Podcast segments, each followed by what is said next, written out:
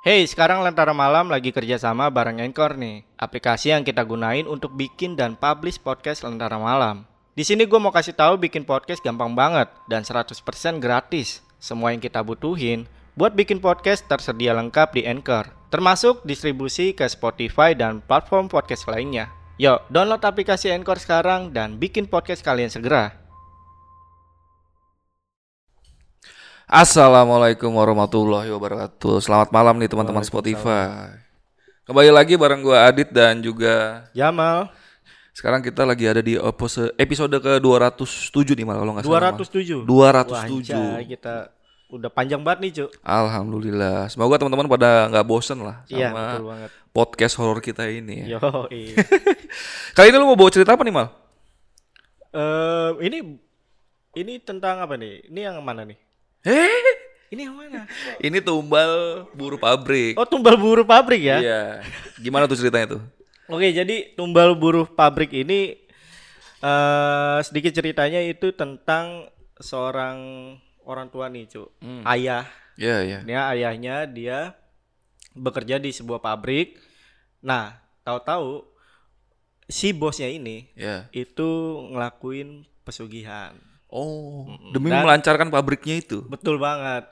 Tapi di gimana ya? Ada sisi baiknya dulu, Mhm. terus ketahuan sisi jahatnya. Oh. Heeh, Berarti jadi endingnya dia berakhir dengan kejahatan dong. Kejahatan sebenarnya bos ini. Jadi di awal tuh eh, kenapa dia bos yang ngelakuin pesugihan? Mhm. Itu katanya untuk mempertahankan bisnis pabriknya. Demi karyawan-karyawannya ya bisa tetap kerja ya. Betul. Tapi ternyata kalian denger aja diceritain. Iya betul banget. Gue nggak mau spoiler apa eh, lebih lanjut lagi Iya, nanti kalian depan- dengerin aja. Ya, Masa di depan udah sampai ceritanya selesai. Iya. Dan gue juga mau ini nih, gini mal apa? Kemarin baru-baru aja nih kita Indonesia dilanda bencana nih. Iya, betul banget, Serem, betul. Gunung Seremu lagi, Gunung Semeru erupsi. Erupsi. Erupsi itu Gunung Semeru itu yang belum tahu ada di Jawa Timur dan itu adalah gunung tertinggi di Pulau Jawa. Hmm. Dan ini setahu gue ya malah gue soto-sotoyan aja ya. Ini kan katanya sampai Ranupani ini kena eh, awan panasnya Awan atau panas. Wedus. wedus gembelnya ya. Betul banget.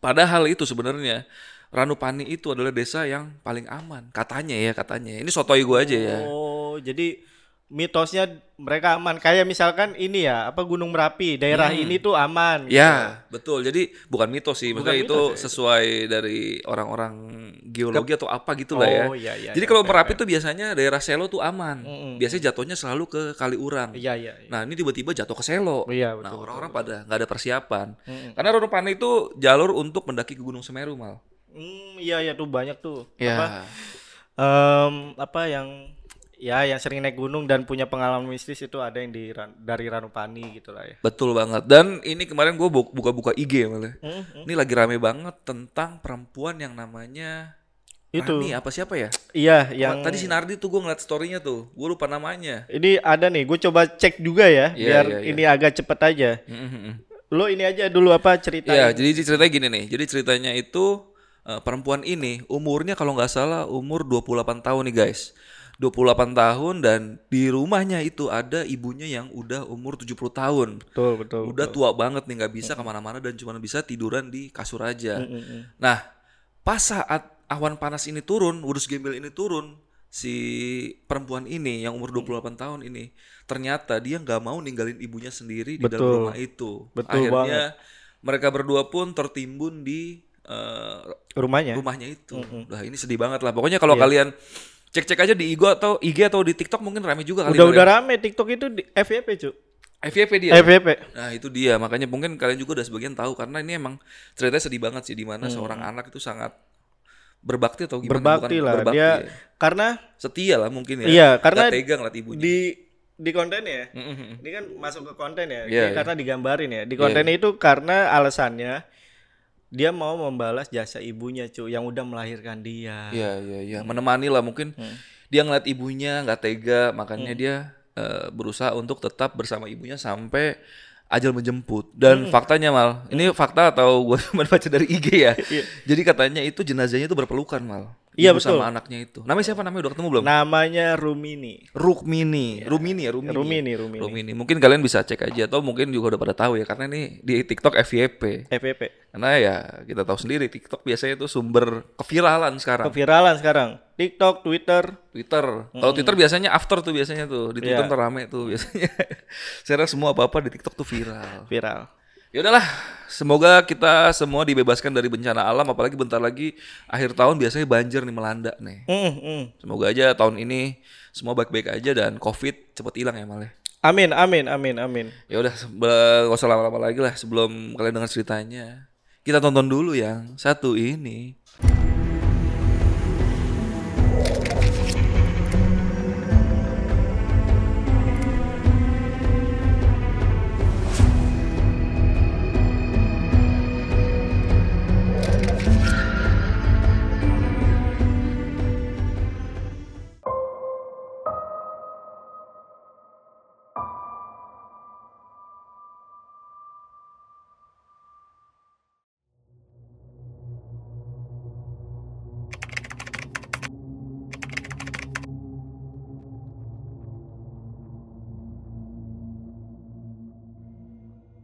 Cerita ini bermula ketika ada seorang juragan besar dan kaya raya bernama Pak Junet mendatangi kepala desa. Beliau berniat mendirikan sebuah pabrik sohun di salah satu lahan kosong yang cukup luas. Beberapa penduduk setuju akan rencana beliau dan sebagiannya lagi kontra dengan alasan pencemaran lingkungan dan mematikan produksi pangan desa. Namun, kepala desa menimbang dan mengukur kesetaraan antara keuntungan dan kerugian yang akan diterima oleh desa apabila menerima tawaran dari Pak Junet.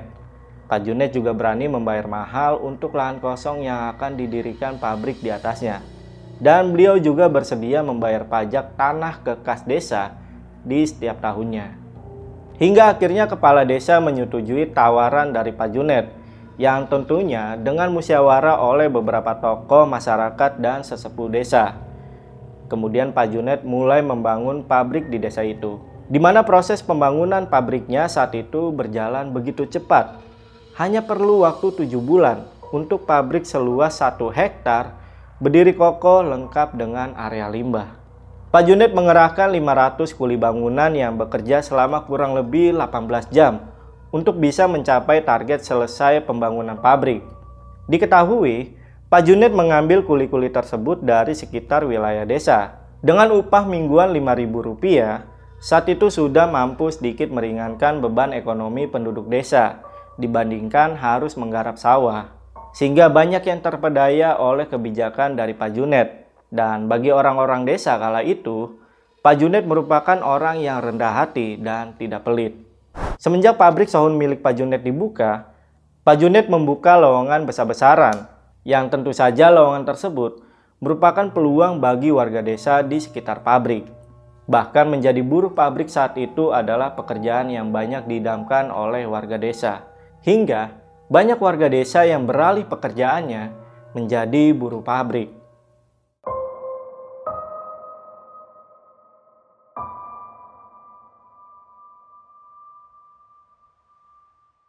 Singkat cerita, di saat lowongan pabrik Sohun ini dibuka, bersamaan dengan itu lahirlah Agni, seorang anak laki-laki yang lahir dari pasangan suami istri bernama Pak Rum dan juga Ibu Parmi. Pak Rum yang menjadi kepala rumah tangga dan sadar akan kebutuhannya yang kian bertambah, akhirnya dia ikut mendaftarkan dirinya sebagai buruh pabrik. Dan saat itu hampir semua pendaftar dinyatakan diterima di pabrik karena Pak Junet memang membutuhkan ribuan buruh untuk menjalankan bisnisnya.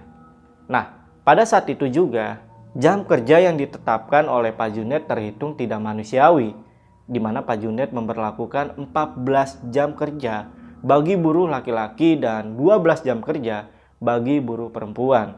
Dengan upah yang tidak begitu besar, hanya 2.500 yang dibagikan setiap hari Sabtu di setiap minggunya.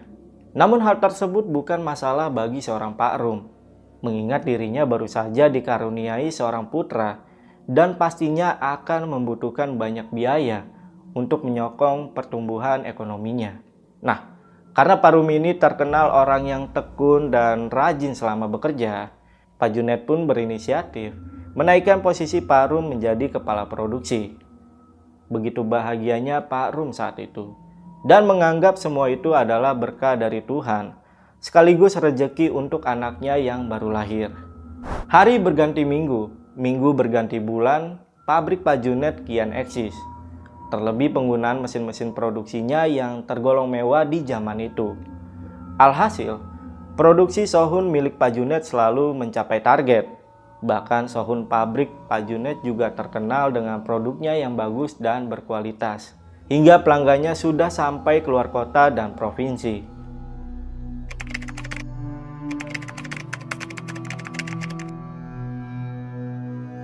Di tahun 1987 kejayaan pabrik Pajunet mulai redup dikarenakan peminat Sohun pada saat itu kian turun drastis dan ditambah kabar dari Pajunet yang terkena stroke ringan sehingga beliau sudah jarang mengunjungi pabrik dan memantau produksi pabrik miliknya.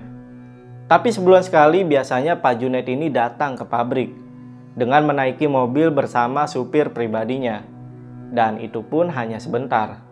Dan di setiap kunjungannya ke pabrik, beliau selalu mengajak Pak Rum ke area limbah pabrik, yang lokasinya ada di belakang wilayah pabrik, dengan area yang tertutup dan hanya ada beberapa kolam-kolam yang berisi limbah-limbah sisa produksi Sohun. Nah, di samping area limbah, terdapat sekota kamar mandi yang cukup luas, berukuran 3 kali 3 meter, yang di dalamnya berisi sumur dan area pemandian untuk beberapa buruh yang menginap di pabrik. Saat itu nggak ada yang tahu apa yang dilakukan Pak Junet dan Pak Rum tiap kali mereka masuk ke area limbah. Namun gosip yang beredar bahwa setiap satu bulan sekali Pak Junet selalu datang dengan membawa sekantong kresek hitam. Hingga akhirnya salah satu buruh bernama Pak Yadi tidak sengaja memergoki Pak Junet menunjukkan isi kantong kresek tersebut kepada Pak Rum di ruang produksi. Ceritanya ini diawali oleh Pak Yadi yang waktu itu kebetulan dia masih membersihkan mesin produksi. Namun Pak Junet dan Pak Rum tiba-tiba masuk dengan menutup pintu depan ruang produksi. Lalu Pak Yadi pun bersembunyi dan melihat apa yang ada di dalam kantong kresek hitam. Yang ternyata isi dari kantong kresek hitam itu adalah kepala manusia. Pak Yadi berkali-kali mengingat detail kejadian yang dia lihat langsung dengan kedua matanya. Pak Yadi sangat yakin kalau dia tidak salah lihat. Dan setelah Pak Junet menunjukkan isinya, bersama Pak Rum mereka menuju area limbah. Dan setelah itu Pak Yadi tidak tahu apa yang akan dilakukan Pak Junet selanjutnya. Semenjak kejadian itu, desas-desus mulai semakin menyebar. Bahkan sudah menjadi rahasia umum bagi buruh pabrik milik Pak Junet. Namun tidak satupun buruh yang berani menanyakan kebenarannya, baik kepada Pak Rum maupun Pak Junet. Mereka memilih tidak ikut campur dengan urusan atasannya. Lagi pula banyak yang segan dengan Pak Junet atas kebaikan beliau selama ini, sehingga tidak ada satupun yang berani mengusik kehidupan Pak Junet. Hey, sekarang Lentera Malam lagi kerjasama bareng Anchor nih, aplikasi yang kita gunain untuk bikin dan publish podcast Lentera Malam. Di sini gue mau kasih tahu bikin podcast gampang banget dan 100% gratis. Semua yang kita butuhin buat bikin podcast tersedia lengkap di Anchor termasuk distribusi ke Spotify dan platform podcast lainnya. Yuk, download aplikasi Anchor sekarang dan bikin podcast kalian segera. Oke, kita beralih ke sudut pandang Pak Rum yang menceritakan kejadiannya ke Mbah Bujo. Awal Pak Rum diangkat menjadi kepala produksi, Pak Junet sudah mewanti-wanti bahwa bisnisnya ini mungkin tidak akan bertahan lama. Bahkan beliau bisa memprediksi jika pabriknya hanya bisa bertahan sekitar lima tahun lagi. Dan benar saja, empat tahun sudah Pak Rum mengabdi kepada Pak Junet. Semua berjalan dengan baik dan sesuai rencana. Namun memasuki tahun kelima dari perkataan beliau, bisnis Pak Junet mulai mengalami kritis. Penjualan sudah tidak mampu lagi mencapai target dan Pak Junet juga sering cerita kalau hutangnya mulai menumpuk di mana-mana.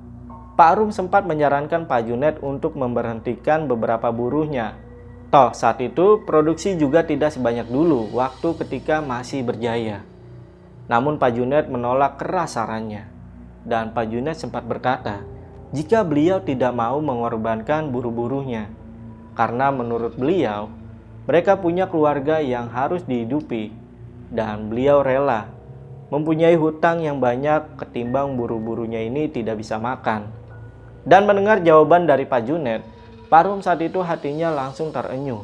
Beliau adalah sosok bos yang langka, di mana beliau lebih memilih berkorban daripada mengorbankan.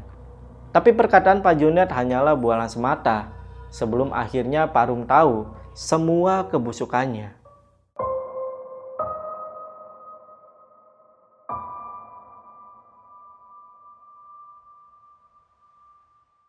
Tepatnya hari Kamis malam Jumat Kliwon. Sekitar jam 4 sore Pak Junet datang menaiki mobil diantar supirnya. Pak Junet datang dan membawa sekantong kresek warna hitam. Setelah itu beliau mengajak Pak Rum ke area limbah. Di sana beliau sedikit cerita bahwa beliau sudah memikirkan matang-matang jika beliau harus mengambil sikap demi keberlangsungan hidup buruhnya. Pak Junet sudah mengambil keputusan jika beliau akan meminta pertolongan kepada makhluk yang ada di sumber mata air yang letaknya ada di kaki gunung terbesar di daerahnya. Nah, di tahun itu memang bukan suatu hal yang mengejutkan jika ada seseorang meminta pertolongan bukan kepada Tuhan, karena zaman itu orang-orang di desa masih banyak yang menganut kepercayaan tersebut.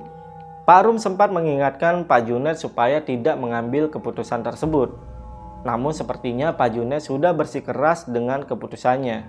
Bukan tanpa sebab Pak Rum mengingatkan Pak Junet akan keputusannya.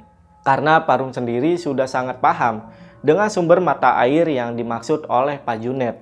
Sumber mata airnya bernama Pancuran 5, sebuah pemandian air panas yang berada tepat di kaki gunung, yang inisial depan hurufnya berawalan dari huruf S. Dan tempat itu sudah terkenal disucikan atau dikeramatkan dan juga memang orang-orang biasanya datang untuk meminta sebuah bantuan atau kekayaan. Pak Rum kembali terkejut ketika Pak Junet membuka isi kantong kresek hitam yang dia bawa. Yang di dalamnya ada kepala seorang laki-laki yang bercucuran darah dari hidung dan telinganya. Kedua bola matanya juga telah menghilang. Mulutnya menganga seperti telah dicekik oleh seseorang. Ini hanya pengorbanan kecil, Rum. Mending mengorbankan satu nyawa dibanding harus kehilangan banyak nyawa. Tapi laki-laki itu siapa, Pak? Dan diketahui bahwa laki-laki tersebut merupakan salah seorang tumbal yang dikorbankan melalui kecelakaan lalu lintas di sebuah alas yang dikenal angker di daerah yang cukup jauh. Saat itu juga Pak Junet meminta Pak Rum untuk mengubur kepala tersebut di celah-celah kolam limbah. Pak Rum yang hanya seorang bawahan tidak mampu mengelak apa pun yang diperintahkan oleh Pak Junet. Hingga akhirnya Pak Rum terpaksa mengubur kepala laki-laki itu. Jangan bilang siapa-siapa Rum. Ini rahasia kita berdua ya. Ini juga buat kebaikan kita dan buru-buru yang lain. Tolong jaga kepercayaanku. Aku udah gak tahu lagi mesti gimana Rum. Ini cuma jalan satu-satunya. Setelah itu Pak Junet berpamitan pulang.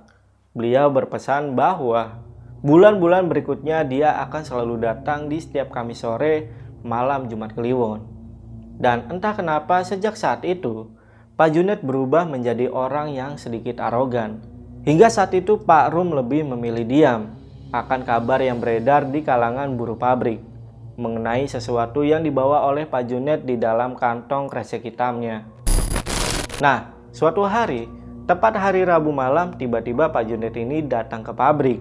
Dan kebetulan malam itu adalah giliran Pak Rum yang sedang ronda di pabrik bersama kedua teman buruhnya. Pak Rum pun langsung diajak masuk ke mobil Pak Junet. Lalu dia dibawa ke arah utara, ke jalan menuju Gunung dan Pancuran 5. Kurang lebih 4 jam perjalanan mereka pun tiba di Pancuran 5 dan jam saat itu sudah menunjukkan jam 11 malam. Tidak ada siapa pun di sana selain mereka bertiga, Pak Rum, Pak Junet, dan supirnya. Setelah turun dari mobil, Pak Junet memerintahkan supirnya untuk menyiapkan sesajen untuk memulai ritual. Mereka pun jalan menuju lokasi dan menuruni tangga dari tanah sekitar 300 meter. Karena lokasi Pancoran 5 ini berada di tengah-tengah hutan pinus yang sangat lebat. Dan sesampainya di Pancoran 5, terlihat ada sebuah batu yang datar, serta di sekitarnya terdapat sisa-sisa dupa, bunga, dan kemenyan yang mengering. Nah, menurut Pak Junet, batu datar ini biasa digunakan orang untuk bersemedi, sekedar mencari wangsit atau mencari kekayaan. Pak Junet langsung meletakkan sesajen, menyalakan dupa, dan membakar kemenyan. Kemudian dia berlutut lalu merapalkan sebuah kalimat. Kula nuwun. Nuwun sewu Gusti ingkang Maha welas asih. Kawula saweg bangu winga-winga. Jin setan kang tak utusi. Dadya sebarang. Waja lelayu sebat. Hamba dateng rawuh ing papan menika ajeng nyuwun pitulungan saking Gusti. Setelah itu Pak Junet menyembelih ayam cemani di samping sesajen. Darah mengalir sampai ke air pancuran. Lalu seketika air pancuran berubah menjadi warna merah darah. Seketika angin berembus sangat kencang. Lalu tiba-tiba dari balik pancuran muncul sesosok berwujud seperti manusia. Sosok ini memiliki tanduk di kepalanya, lidahnya menjulur panjang matanya merah menyala, dan dua taring di mulutnya memanjang sampai ke dadanya. Sosok ini sering disebut dengan nama Uraga. Kamu ada perlu apa datang ke hutanku? Maaf mengganggu waktumu. Saya datang ke sini lagi karena kemarin saya sudah melakukan apa yang kamu perintahkan. Hari ini tujuan saya ingin meminta pertolongan supaya pabrik saya mampu mencapai target penjualan. tujuan saya bukan untuk mencari kekayaan, namun agar saya mampu membayar upah karyawan saya.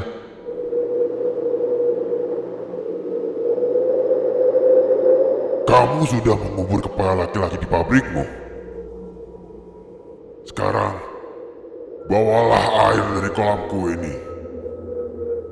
Tuang di sumber air di pabrikmu, dan jangan lupa dengan bagianku. Kemudian diambillah air kolam dari pancuran lima oleh Pak Junet dengan menggunakan botol kaca. Lalu sosok itu perlahan mulai menghilang dari kegelapan.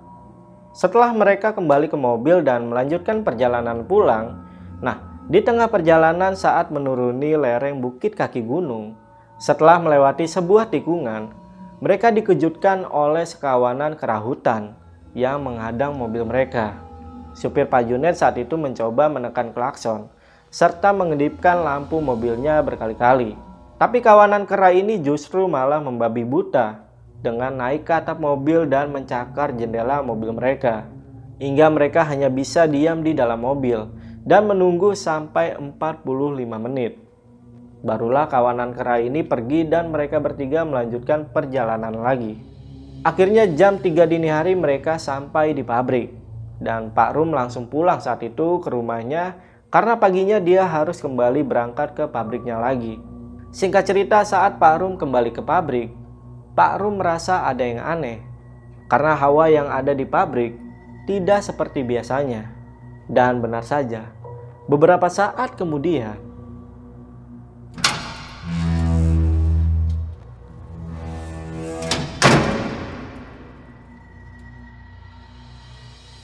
Terdengar suara pintu area limbah terbanting dengan keras. Pak Rum langsung menghampiri suaranya sendirian. Dan begitu sampai di area limbah, Pak Rum tidak menemukan apa-apa. Hanya saja, di lokasi tempat dia mengubur kepala manusia kemarin, mencuat darah dengan warna merah yang masih segar. Pak Rum kembali menggali tanah di lokasi itu, dan dia terkejut bukan main Ketika melihat kepala yang kemarin sudah tidak mempunyai bola mata, kali ini kedua matanya kembali lagi dan sedang melotot ke arah Parum serta menyemburkan darah dari mulutnya.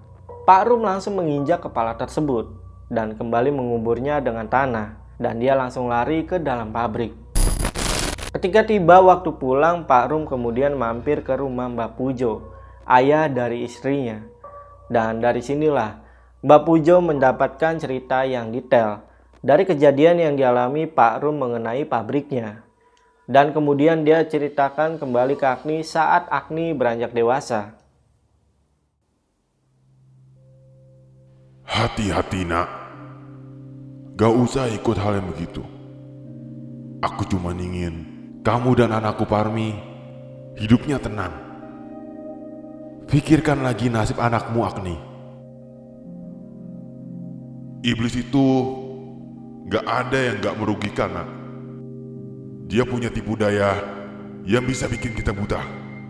Apalagi kalau berkaitan dengan harta. Meskipun Junet bilang tidak ada niatan untuk mencari kekayaan. Namanya juga manusia. Sudah takdirnya punya hawa nafsu dan angkara murka.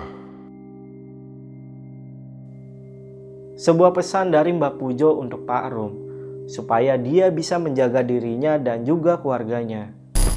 Singkat cerita, keesokan harinya saat Pak Rum kembali ke pabrik, sudah ada Pak Junet yang menghadangnya di dekat ruang produksi.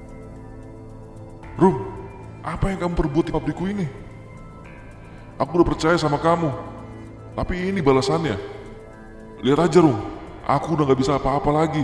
Kamu tahu sendiri akibatnya. Pak Rum langsung lari ke arah limbah. Dan begitu sampai di area limbah, betapa kagetnya dia ketika melihat enam orang buruh yang terikat kepalanya di tiang sumur dekat kolam limbah. Semuanya meninggal dengan lidah yang menjulur dan matanya melotot serta darah yang mengalir dari hidung. Seketika penyesalan datang karena Pak Rum sadar jika dia adalah tumbal selanjutnya. Dia teringat akan pesan dari Mbah Pujo semalam. Jika Pak Junet pasti punya rencana jahat untuk dirinya dan juga keluarganya. Sepulang dari pabrik, Pak Rum langsung mampir ke rumah Mbak Pujo lagi. Dan dia menceritakan lagi semuanya. Perasaan Mbak Pujo menjadi sangat sedih karena mungkin beliau juga sadar jika nanti anaknya Parmi akan segera menjanda dan cucunya Agni akan menjadi anak yatim. Tapi nasi sudah menjadi bubur. Tidak ada yang bisa diperbuat oleh Mbak Pujo dan juga Pak Rum selain hanya berserah kepada Tuhan Yang Maha Esa. Ada satu cara, nak, agar kamu bisa terlepas dari hal ini. Tapi resikonya besar sekali. Kamu siap? Datanglah ke Panjuran Lima sambil membawa ini. Temui iblis itu. Jangan ada keraguan di hatimu. Tuangkan di kolamnya. Dan insya Allah, ini bisa menghentikan hal yang kamu hadapi. Semoga bisa menyelamatkan teman-temanmu di pabrik.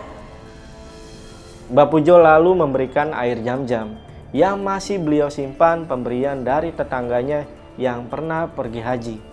Setelah itu Pak Rum pulang ke rumah dan sebelum menuju ke Pancoran 5, Pak Rum sempat pamit ke istrinya dan berpesan kepada istrinya. Dek, kalau nanti atau besok aku tidak pulang, tolong ikhlaskan aku. Aku titip Agni. Aku ada tabungan yang aku simpan untuk masa depan Agni. Semua yang kamu butuhkan ada di kotak dalam lemari.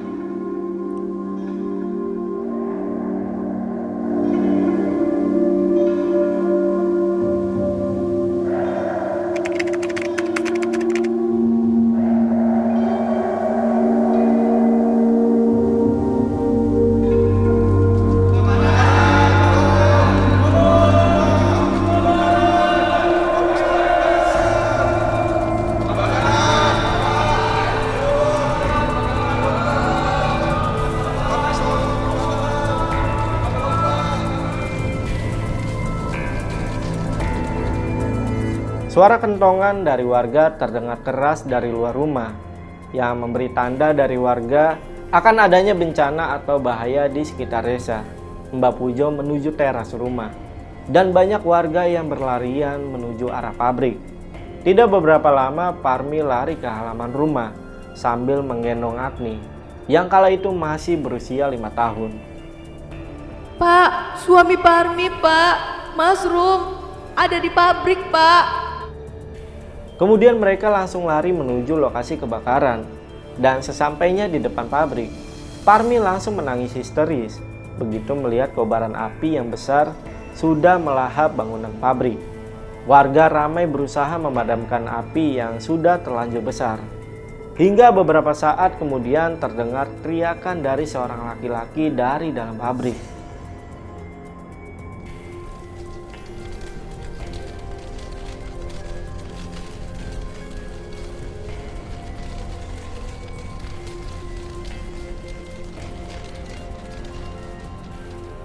Dan tiba-tiba ada seorang laki-laki yang sekujur tubuhnya dipenuhi api keluar dari dalam pabrik. Tubuhnya menggeliat kepanasan. Dan semua warga di sana langsung mundur karena merasa ngeri. Melihat kondisi laki-laki ini yang sudah gosong dan sekarat masih bisa berusaha berjalan keluar dari pabrik. Dan entah kenapa Mbah Pujo dan juga Parmi merasa yakin jika laki-laki tersebut adalah sosok Pak Rum. Hingga akhirnya hal yang paling mengenaskan kembali terjadi. Menurut kesaksian Mbah Pujo, saat melihat laki-laki tersebut, tiba-tiba Parmi menjadi seperti orang yang kehilangan kesadaran. Dia lari menuju ke arah laki-laki yang terbakar itu, tanpa memperdulikan siapa pun. Warga sempat meneriaki Parmi dan berusaha menariknya, namun tidak ada yang berhasil menolong Parmi. Dan di saat Parmi yang sudah berada di dekat laki-laki yang terbakar itu, Mbak Pujo melihat dengan jelas sosok laki-laki yang terbakar itu berubah menjadi sosok iblis yang sangat besar yang pernah diceritakan oleh Pak Rum. Di saat itu juga Mbah Pujo sadar bahwa laki-laki yang terbakar itu hanyalah jebakan dari sosok Urga. Dan kini Parmi sudah masuk ke dalam jebakannya bersamaan dengan kobaran api yang semakin membesar di pabrik tersebut. Tapi untungnya Agni ini selamat dan dia berada di pelukan Mbah Pujo sambil menangis melihat ibunya yang sudah menghilang di telan api. Sementara hampir 80% dari seluruh bangunan pabrik sudah terbakar habis. Dan anehnya semenjak kejadian itu Pak Junet tidak pernah terlihat lagi. Lalu pada akhirnya Mbak Pujola yang membesarkan Agni sampai saat ini.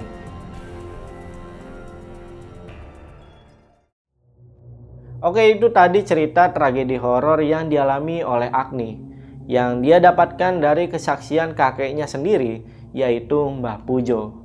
Cerita ini dirangkum oleh Agni dan kemudian ditulis lagi oleh Skala di akun Twitternya. Jadi buat kalian yang mau baca versi tulisannya, dan lebih detail lagi mengenai ceritanya, kalian langsung mampir aja ke akun Twitternya Skala Niskala. Linknya gue taruh di deskripsi. Oke mungkin itu aja video di segmen cerita horor kali ini. Gue Jamal dari Lentera Malam pamit. Bye.